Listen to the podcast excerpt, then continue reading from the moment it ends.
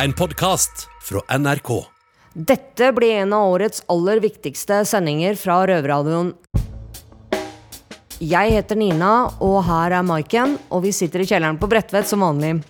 Det gjør vi, og nå går alarmen i kriminalomsorgen.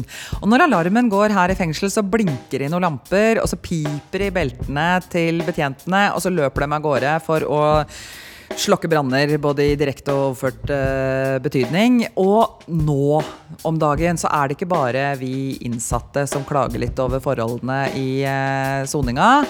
Nå ropes det varsko både fra betjenter og også fra fengselsledere, faktisk. Så derfor har vi i Røverradioen nå tromma sammen tre av tungvekterne i norsk eh, kriminalomsorg. Bredtvet er jo det største kvinnefengselet i Norge, så vi har direktøren herfra. Og så har vi fengselsvesenets flaggskip, nemlig Halden fengsel. Ja. Og også um, det fengselet som huser flest varetektsfanger i Norge, og det er Oslo fengsel. Og til å prate med denne gjengen, så har vi altså huka inn eh, en slags krimiskjendis, Trond Henriksen. Og han er jo kjent for mange gjennom uh, utallige medieoppslag. Og han har dessuten eh, en lang fengselserfaring, eh, så han kan eh, komme med sine input på hvordan utviklinga har gått. Så gjenstår altså bare å si alarmen går, viktig melding, lytt til Røverradioen.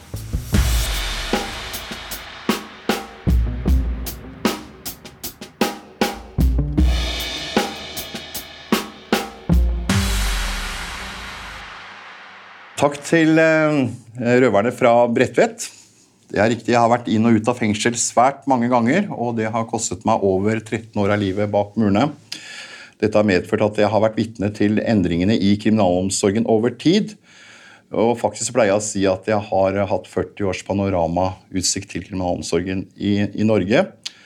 Eh, men jeg har også fått lov å oppleve hvordan eh, norsk kriminalomsorg kan være på sitt beste. Noe som var med på å hjelpe meg ut av kriminaliteten for ti år siden. Det må jeg ærlig innrømme. For I Norge så har vi en tanke om at fengsel ikke bare skal være en straff, men soninga skal også virke rehabiliterende, sånn at man har en sjanse da, til å klare det streite livet etter en soning. Norge var en gang best i klassen på kriminalomsorg, men nå ropes det fra betjenter, samarbeidspartnere og innsatte om at kriminalomsorgen som dette landet har brukt årevis på å bygge opp, er i fare. Og ikke bare det, men også at sikkerheten til innsatte og ansatte og samfunnet er i fare. Skal man tro det som blir sagt, er situasjonen meget alvorlig. Og Derfor har jeg blitt invitert hit av Røverradioen i dag for å finne ut av hvordan det egentlig står til i fengslene våre.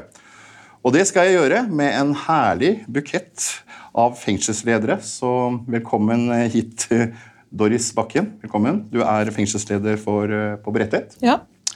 Og så har vi Nils Finstad, som er fengselsleder i Oslo fengsel. Ja. Og sist, men ikke minst, Are Høydahl, som er da fengselsleder for Halden. Riktig. I mange år så har jo kriminalomsorgen opplevd budsjettkutt. Siden 2015 eh, så har altså man måttet bruke ostehøvelen, som man pleier å si, eller ABE-reformen, eh, som den egentlig heter, hvor man skal rett og slett kutte 0,5% av driftskutt per år. Og Doris, Hvordan har dere opplevd disse kuttene i det fengselet du driver? I perioder har det vært veldig utfordrende i forhold til å få nok eh, tilbud for de innsatte, og at det er en del av de eh, administrative stillingene som eh, blir borte, og da blir det mer å gjøre for de som blir igjen. Eh, altså Oppgavene blir ikke borte. De blir jo fordelt på, på færre folk. Kan, bare, kan, jeg bare si én ja. ting til? og det er jo at uh, På Bredtvet så har vi veldig mange som er syke og selvmordsnære. Uh, og det krever en stor del av uh, betjenestegruppa. Sånn at de som da Når de, når de syke trenger mange folk, så blir det mindre aktivitet på de andre innsatte. Sånn at fordelingen i fengsel også kan bli litt skeiv. Nils, kjenner du deg igjen i det Doris forteller om Bredtvet? Hvordan oppleves kuttene i ditt fengsel? Ja, jeg kjenner meg igjen i det. Jeg opplever vel rett og slett at kuttene er Jeg syns det er dårlig samfunnsøkonomi. For det går utover I hvert fall i dag opplever jeg også det, at det går utover ja, både ansatte og innsatte.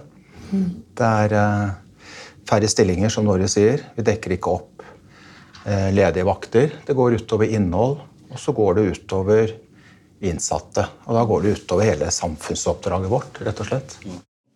En ting er jo hvordan kuttene påvirker den daglige driften i fengslene. eh, Men hvilke konsekvenser har disse kuttene for eh, samfunnet vårt, eh, Doris? Altså, hensikten med å være i fengsel er jo ikke bare å være, ta, ta straffen din, men det skal jo også gjøres et arbeid i det under den soningen. Og det er liksom, Hensikten er jo at man kommer ut og kan leve et rus- og kriminalitetsfritt liv. Og Hvis man skal gjøre det, så må det gjøres en del arbeid inne i fengselet. Eh, og det må samles på en måte, og det er fengselsbetjentenes hovedoppgave. Det å samle dette arbeidet og kartlegge og legge til rette og motivere og, og følge opp eh, sine innsatte. Um, og det eh, får et stort samfunnsmessig konsekvens hvis man ikke følger opp det. Mm. Er du, er du enig, enig i det, Nils? Ja, og så en annen ting også som jeg er veldig opptatt av, da, som jeg syns også er på en måte litt sånn samfunnsmessig ille. da. Altså Fengsel er egentlig en helt unik arena for påvirkningsarbeid, endring. For det første er innsatte der. De er jo der fysisk. De fleste i hvert fall er edru, nyktre. Og så opplever jeg at de er motiverte. Og så møter vi det med budsjettkutt og mer isolasjon og mindre innhold. og Det er folkelig sagt høl i huet, altså. Det må jeg bare si.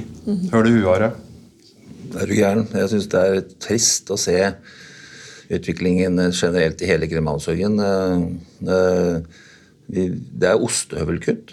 Vi skal ta oss og høre et lite klipp fra en av de som eh, arbeider hos deg, Are. Det er eh, Klaus Lintoff som forteller litt om bemanningssituasjonen og hvordan det påvirker arbeidshverdagen. Vi som står i førstelinja, vi blir bare færre og færre.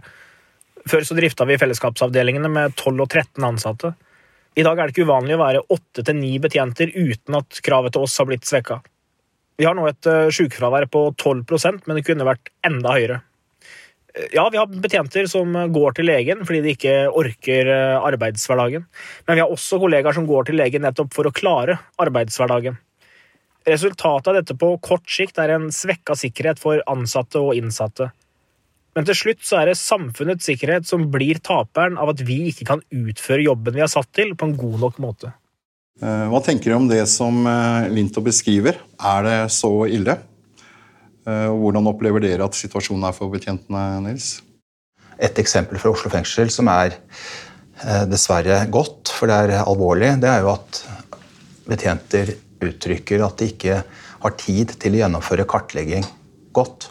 I Oslo fengsel kartlegger vi alle nye innsatte i forhold til f.eks. For selvmordsfare, som kanskje er noe av det viktigste vi gjør. Og da gir veldig mange nå uttrykk for at det føler de at de gjør på en dårlig måte fordi vi har for lite tid og for lite ressurser. Og det er alvorlig. Doris, du snakka litt om det med tid, at dere får mindre tid pga. Mm. av disse kuttene. Eh, Hvordan føler du det er tiden med, med jentene på Bredtvet? Får, får de ansatte tid nok? Tidligere så hadde vi mer utadvendte aktiviteter som vi har måttet skrenke inn på. Blant annet. Eh, Og det er noe med at når du sitter lenge i fengsel, så er det viktig å trene på å være ute i samfunnet igjen. Ta T-banen, gå på kino, se på en utstilling eller gå på butikken. Um, og de tingene som er viktige, da, og det er mye samfunnsøkonomi i å lære å, å, å ferdes ute også. eh, og det å tørre å ferdes ute, og det å ikke måtte ruse deg for å møte samfunnet, men faktisk tørre å være der helt nykter. Jeg nevnte i sted at vi har eh, Oslo fengsel har en hytte i Nordmarka. Vi har masse turutstyr. Vi har sykler, ski. Ma masse. Jeg vet Bredtvet har det samme. Ja. Vi bruker det ikke lenger. Og det, Og det er fordi dere eh, rett og slett ikke har folk til å være med ut? Ja, fordi vi ikke, særlig for vår del i hvert fall, ikke dekker opp ved ved fravær. Og det er en del fravær. Det har vi ikke råd til å dekke opp, og da har vi hele tiden såkalt minimumsbemanning. Minimumsbemanning gjør at jeg mener at vi gjennomfører straff og varetekt på en sikkerhetsmessig forsvarlig måte, men det blir for mye oppbevaring. Så kommer jeg litt inn på etterpå at det er veldig mye som er bra nå. Ja, vi- det skal er for mye oppbevaring, det er for Ja. mye innlåsning. Men, men vi, vi skal være litt på, litt på betjentenes side her. For det med sikkerhet overfor de ansatte eh, er den, Føler du den er mer truare eh, med disse kuttene? Ja, jeg begynte jo sjøl i etaten i, på 80-tallet og jobba da som ekstrabetjent i Oslo kretsfengsel. Eh, Da var jeg ansatt som vokter. Altså Jeg skulle bare passe på. Jeg skulle ikke involvere meg i de innsatte. Jeg skulle ikke snakke med dem om deres problemer. Vi skulle ikke planlegge soninga, vi skulle være voktere. Være til stede og passe på at ting gikk greit for seg. Så kom jo da hele denne endringsprosessen på 90-tallet med kontaktbetjentordning, programvirksomhet og alt disse tiltakene. altså man, man, Hele kriminalomsorgen ble totalt endra. Og det har vi holdt på med nå. Men jeg føler faktisk at vi er litt på vei tilbake ja. til 80-tallet. Eh, hvor, hvor, det er så skrapa og gjennom fra 2014 og fram til i dag på, på ressurser. Slik at vi, vi, nærmer oss litt vokterrollen igjen, rett og slett. At det er den derre som Norge er kjent for, da. Dynamisk sikkerhet. Det er det utlendingen vi hører om. Den, den blir veldig skadelidende i, dette, i denne, disse kuttene som har vært gjennom de siste seks-åtte årene. Vi, vi, får ikke vært til stede på den måten som man gjorde før. Og det går også utover sikkerheten til både innsatte og ansatte. Vi skal eh, ta en tur bak muren igjen, og så skal vi høre et eh, klipp fra en av de innsatte som eh, har noen utfordringer til, i forhold til hverdagen sin. Jeg opplever at det er veldig mye innlåsning her i Oslo fengsel. Sist for to år siden så kom det en rapport fra Sivilombudsmannen der det var imot menneskerettighetene og at det er tortur at vi blir innelåst så lenge. Her er det mye utfordringer når det gjelder bemanning. For eksempel hvis det skjer en liten hendelse i en avdeling, så må alle andre låses inn fordi de trenger betjenter der. Jeg har hørt at det har blitt forbedringer siden eh, Nils eh, tok over som fengselsleder. Så da lurer jeg på hva er det som har blitt gjort, og hva planen videre er for å redusere isolasjon. Vi hadde jo så mye isolasjon at det ble omtalt som ulovlig fengsling. Det har vi ikke lenger. Så nå har i hvert fall alle såkalt lovlig eh, opphold ved at det er mer enn to timer fellesskap for alle. Og Så øker det sakte, men sikkert. Nå er vi oppe i fire timer i snitt. Men fortsatt er det altfor lite. Det er altfor mye isolasjon. Det som er veldig bra, det er at vi nå har fått eh, aktivitetsteam. Det er helt nytt. Det hjelper. Og så er det mye som tyder på at vi nå skal greie å få nok ansatte til å ha turnus i aktivitetsbygget. Sånn at vi kan bruke det på kveld og helg, ikke bare på dagtid. Så er det mye tilbud i Oslo fengsel, men det er kraftig underdimensjonert. Så det er fortsatt altfor mye innlåsning. Jeg må bare gjenta det igjen. Fire timer i snitt eh, utetid. Det betyr at man er resten av timene i døgnet innlåst på cella. Det syns jeg ikke går an i Norge i 2021. At vi møter eh, innsatte i fengsler med primært med isolasjon. Det er rett og slett ikke bra. Så, og det må jeg si til slutt, så jobber vi på mange måter. Det opplever jeg at politikere også gjør. Det går bare veldig sent, det må jeg si, at vi jobber for et nytt Oslo fengsel. Fordi Oslo fengsel er heller ikke det er ikke bygd for fellesskap, det er egentlig bygd for isolasjon. Så hvis vi får et nytt fengsel, som jeg faktisk tror vi får, og aktivitetsteamet er bra, særlig hvis vi får det fast, det er en prøveordning, og litt mer ressurser, så, så hjelper det i hvert fall litt. Får vi det nye fengselet, så hjelper det mye. Men åtte timer er kanskje et mål. Det er jo lite, det òg. Det burde jo være sånn at man primært, at hovedregelen er at man er ute av cella. Så er man på cella hvis det er faglig begrunnet, eller fordi man skal sove. Sånn burde det være. Det kan godt hende at folk som hører på nå, unnskyld, syns det er litt merkelig at, eh, at vi sitter og dveler over om å være innlåst i et fengsel. Man er jo et fengsel. Men akkurat det fellesskapet, disse få timene man får sammen da, i et fengsel, er jo veldig avgjørende for faktisk psykisk helse til veldig mange som sitter der inne. Så det er jo derfor de innsatte er opptatt av det. Eh, og jeg reagerte veldig ofte, og begrunnelsen var ofte bemanning. Eller som også vedkommende sa her, at det skjer noe, så blir det bare låst inne. Og det er jo veldig, veldig frustrerende. Og da kan man jo spørre om, når man først skaper mer eh, frustrasjon, mer isolasjon, så må jo det også være veldig uheldig for samfunnet der ute. Det var kanskje litt ledende spørsmål. Men... Nei, men Jeg kan bekrefte at det du sier, det er dessverre sånn fortsatt i dag. Jeg kan mm. nevne et eksempel fra i forgårs, hvor vi da valgte å gjennomføre en gudstjeneste på kveldstid, for det er viktig for innsatte. Men det førte da til den eh, konsekvens på en avdeling at vi kun hadde delvis fellesskap. Alle fikk ikke delta på fellesskapet. Det er fortsatt vår virkelighet. For det, Du snakket jo litt om det, Doris, det der med de, de ekstra utsatte innsatte. da, for å mm. bruke, bruke, det ordet. Mm. At de krever så mye ressurser nå. eh, at det går utover de andre. Men hvordan går det egentlig med de som er aller mest utsatt også, i forhold til disse kuttene? Jo, Det er jo et paradoks at man låser inn de som er aller mest utsatte. Altså fordi det er isolasjon som gjerne er svaret på psykisk sykdom. Eh, fordi man ikke kan håndtere de i et fellesskap. da. Eh, men så skal det også sies at vi har også fått ressurser nå til eh, et ressursteam som skal jobbe spesielt med denne gruppa. Eh, og det er vi utrolig glad for, fordi det gjør jo at for det første så kan betjentene jobbe med de andre og, få tid til resten av fengselet. Og de som trenger det aller, aller mest, får mye tettere oppfølging. Og det fører igjen til mindre isolasjon og mindre bruk av tvang. Og det er veldig viktig å få fram eh, det vi sier nå om aktivitetsteam i Oslo og ressursteam på Bredtvet, at det er eksempler på at det går rett vei. Da. For min store bekymring fortsatt er de som går under radaren. For det blir så mye fokus på noen innsatte. Mm. De som er utagerende. I Oslo er det mye fokus på gjengtilhørighet. Hvem kan ikke være sammen? Mm. Hvem, eh, vi driver rett og slett rett, rent etterretningsarbeid. Hvem kan ikke møte hverandre fordi de har eh, ulike tilhørigheter? Så er det de som er utagerende, krever mye. Men så er det da de som går under radaren, som vi har problemer med å fange opp nettopp når vi har minimumsbemanning. Da, da kommer ressursteam og aktivitetsteam inn, inn, og, aktivitetsteam inn og hjelper i hvert fall noe. Da. Så det er eh, gode, gode eksempler på at det gjøres også gode, kloke grep nå av politikere. Det tenker jeg er viktig å si. Mm. Ja, for Lokalitetene til dere to er jo litt mer begrensa enn det eh, lokalitetene dine er, Are. Halden fengsel har jo ja, vi sliter, ikke, ja. vi sliter ikke med den isolasjonen som de, de, gjør. Vi har jo aktiviteter Men, Vi er jo oppe i tolv timer utetid hver dag. Mm. Men hvordan er kontaktene da, mellom eh, de innsatte og ansatte i fengselet ditt? Er det, føler du det er annerledes etter disse kuttene? Ja, det har, vært, det har vært veldig bra. Det er jo kanskje det vi har vært mest kjent for. Det har jo vært den miljøarbeidet vi har fått tid til å gjøre. Vi har hatt masse betjenter til stede på avdelingene. Eh, når jeg flytta over fra Oslo fengsel i sin tid og til Halden, så, så fikk vi lov til å skrive med gaffel når det gjaldt eh, antall ansatte. Eh, vi hadde tre på 20 istedenfor to på 20, som er vanlig standard i norske fengsler. Men det, der har vi måttet nå redusere ned, selvsagt pga. alle kuttene. Så vi, vi, og Det er jo det som er det nye ved budsjettfordelingsmodellen. Nå skal alle, alle fengsler skal behandles helt likt på budsjettfordeling. Og det er det noen som tjener på, og noen som taper på. Mm. Du taper. Jeg taper. Mm, du taper. Mm.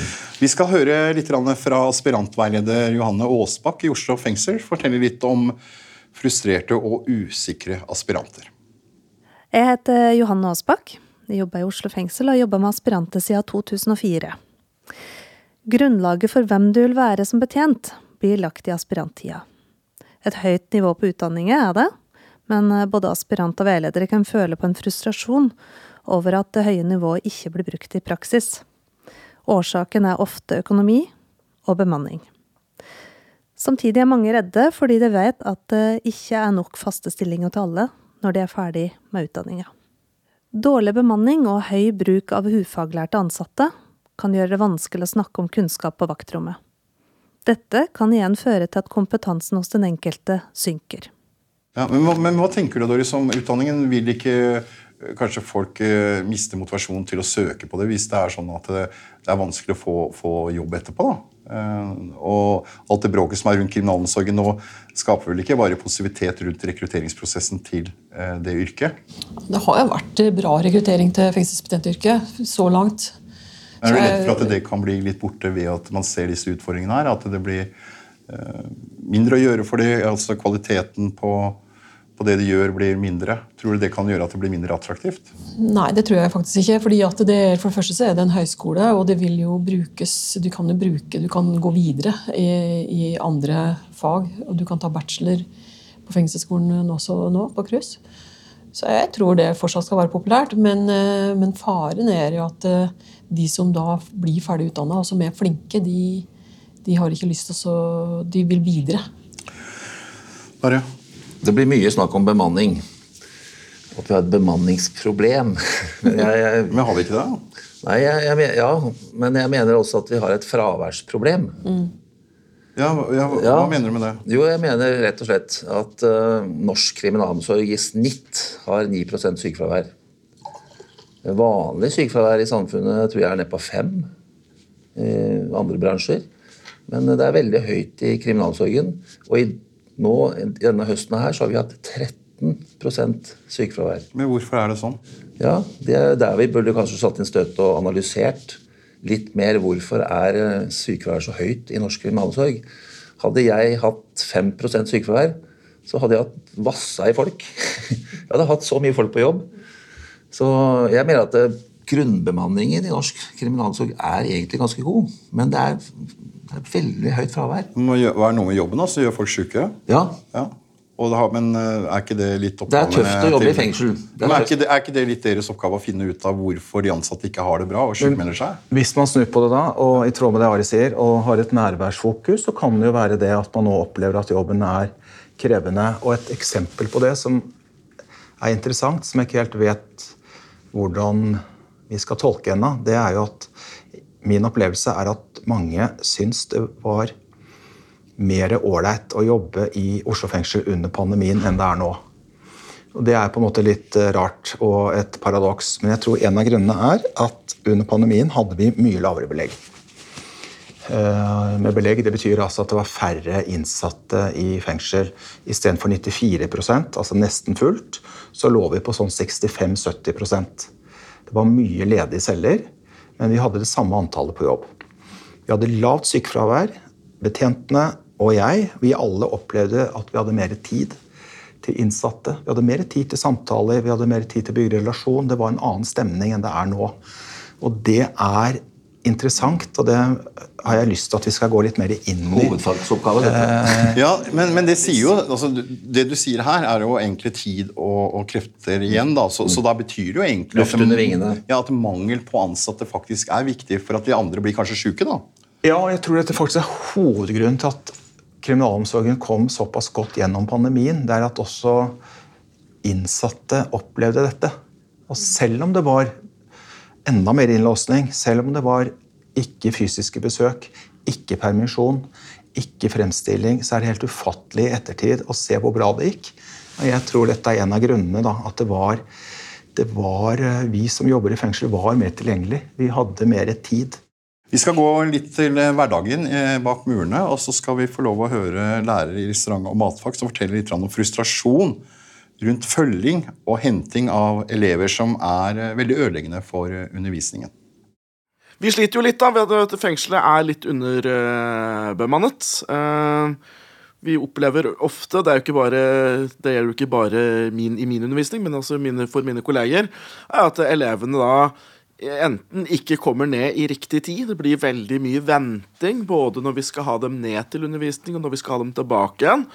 Og det stjeler jo så klart da av undervisningstida vår. I hvert fall sånn for meg, da, jeg snakker for min egen del, som jobber nede på kjøkkenet så er jeg jo avhengig av at elevene faktisk møter opp til den tida som er uh, satt. Uh, jeg legger jo opp uh, dagen min etter at jeg har avsatt et gitt antall timer. og skulle ikke de komme ned, så, begynner, så er jo egentlig undervisninga mi rett og slett ødelagt. Og det er jo tid som jeg da ikke får henta inn igjen seinere, for det er ganske, et ganske rigid system i fengselet her. Og problemet er at de skal jo også tilbake til et gitt uh, tidspunkt. Og da kan også risikere å komme opp i gangen her og stå og vente, og så kommer det ingen og henter dem tilbake. Og da må, må vi kanskje bare vente til, til fengselet er klart å ta dem tilbake igjen. da. Det, jo, det blir jo et stort problem, da. Og er en irritasjonsfaktor i skolehverdagen. Jeg vil si at det, det, Størsteparten av tida så går det her det, det, går jo, det går jo greit, men det er jo den ansamlinga av øh, ganske stor menneskegruppe på et lite areal over ganske lang tid som er, kan være problematisk. Uh, man vet jo aldri om noen der har en konflikt eller ikke. Uh, mange av dem blir fort rastløse. Uh, og, og, skulle det skje noe, så er vi jo aleine. Vi har jo ikke noe betjent med oss. Vi er jo bare lærere. Det er jo ingen av oss som er trent i å Uh, som, som, fangevoktere. Vi er jo norsklærere og engelsklærere og restaurant- og matfag- og frisørlærere. Hvorfor er det så vanskelig å følge folk rundt, da? Siden det var Grønlands voksenopplæring, så tenker jeg det er vel litt innenfor Doris og Nils sitt område. Det er jo bygningsmessige årsaker og bemanningsmessige årsaker til at dette er krevende. Det var en innsatt eh, som vi snakka med, eh, som har blitt overført til, eh, til Bastøy fengsel, som, eh, hvor vi spurte hva er ditt beste råd til Halden fengsel eh, når du har kommet nå til Bastøy. La, la innsatte gå fritt. Ja, Hvorfor ikke? Hvorfor kan dere ikke stole på oss? Og Jeg var jo et, på besøk i et dansk fengsel en gang. Høysikkerhetsfengsel. Det var faktisk et forvaringsfengsel. Og Der gikk innsatte helt fritt. De kunne til og med gå opp til direktøren og banke på hans dør. Jeg har lyst til å bare skyte inn også, fordi det handler om tillit og mistillit. Vi snakker hele tiden om tillit. Og det å bygge tillit og det å ha tillit. Og det å, men, men hele fengselssystemet er jo primært sett basert på mistillit. Eh, og det å snu det eh, må vi jo gjøre sjøl først. tenker jeg. Altså, kriminalomsorgen har en, en, et oppdrag tenker jeg, å, å se på hvordan kan man jobbe med den tillitsbiten i fengselet. Nå har vi snakka mye om negativ utvikling, da, så da er det kanskje litt ålreit å spørre om, om det har skjedd noe som er, eller er noe som har blitt bedre? Det som har, i hvert fall En av de tingene som jeg synes vi har blitt flinkere til, det er å samarbeide med hverandre. Altså, nå skal vi ha uh, seks kvinner på retreat hos Are I. Halden I Halden fengsel. Ja. Vi jobber, uh, særlig Oslo og Bredtvet, jobber jo tett på mange ting. Smått og stort, tror jeg. Du har en liksom sånn liste, ja, så kanskje Doris og, og Are vil kommentere den. For det er på innholdssiden har det skjedd masse. altså. F.eks. Nav i fengsel, som tilbyr noe som heter arbeidsmarkedskurs. Eh, som er yrkesrettede kurs, AMO-kurs, hvor man får kompetansebevis. Det er hundekurs, baristakurs, truckførerkurs, liftkurs. Oslo fengsel, Bredtvet fengsel. Vi er lærlingbedrifter på frisør. Eh, Oslo fengsel har et, eh, sammen med Bredtvet et, eh, et prosjekt om seksuell helse som jeg tror er, eh, det er veldig bra i tiden. Eh, jeg var på togkonferanse i går. Det er tiltak overfor gjengangere som nå utvides kraftig. Vi har eh, fått aktivitetsteam, eh, vi har fått ressursteam. Ila har fått forsterket fellesskapsavdeling. Blitt mye bedre innen rusomsorg. Jeg syns det er store utfordringer fortsatt, ikke minst innen psykiatri. Men vi har, vi har fått uh, rusmestringsenheter, f.eks. Uh, vi har et helt annet fokus på og kunnskap om å forebygge selvskading og selvmord i norske fengsler. Og listen er faktisk ganske lang. Og Det syns jeg er viktig å få fram, da, nyansen her. Mm, Og du snakker nå om Oslo, det som heter Oslo kretsfengsel en gang til? Jeg snakker om Oslo fengsel, Ja. men jeg føler også at jeg snakker mye av dette jeg har sagt nå, gjelder hele kriminalomsorgen. Jeg vet at dere har lyst til å, Vi kunne sikkert holdt på flere timer her. Det var veldig interessant å få lov å sitte her sammen med dere. Jeg håper også folk der ute blir klokere av det og ser viktigheten av å ha en veldig god og sunn kriminalomsorg. Helt til slutt, har du lyst til å lese opp dette her, eh, Doris? Røverradioen kan du høre om en uke på NRK P2 søndag klokken 20.30. Det var nydelig. Og så skal vi ta neste, og det er hvem som skal ta den setningen der? Det er du, Are. Are, kan du lese? Eller så kan du høre på Røverradioen når og hvor du vil, på podkast der du finner podkast. Og det er litt rart at Are fikk den, som ikke aldri hører på podkast, men det får være så. Og så er det Nils til slutt, da. Med mindre du sitter i fengsel, da kan du høre på Røverradioen på Infokanalen. Røverradioen er laga for og av innsatte i norske fengsler. Tilrettelagt for streitinger av Klynge for NRK.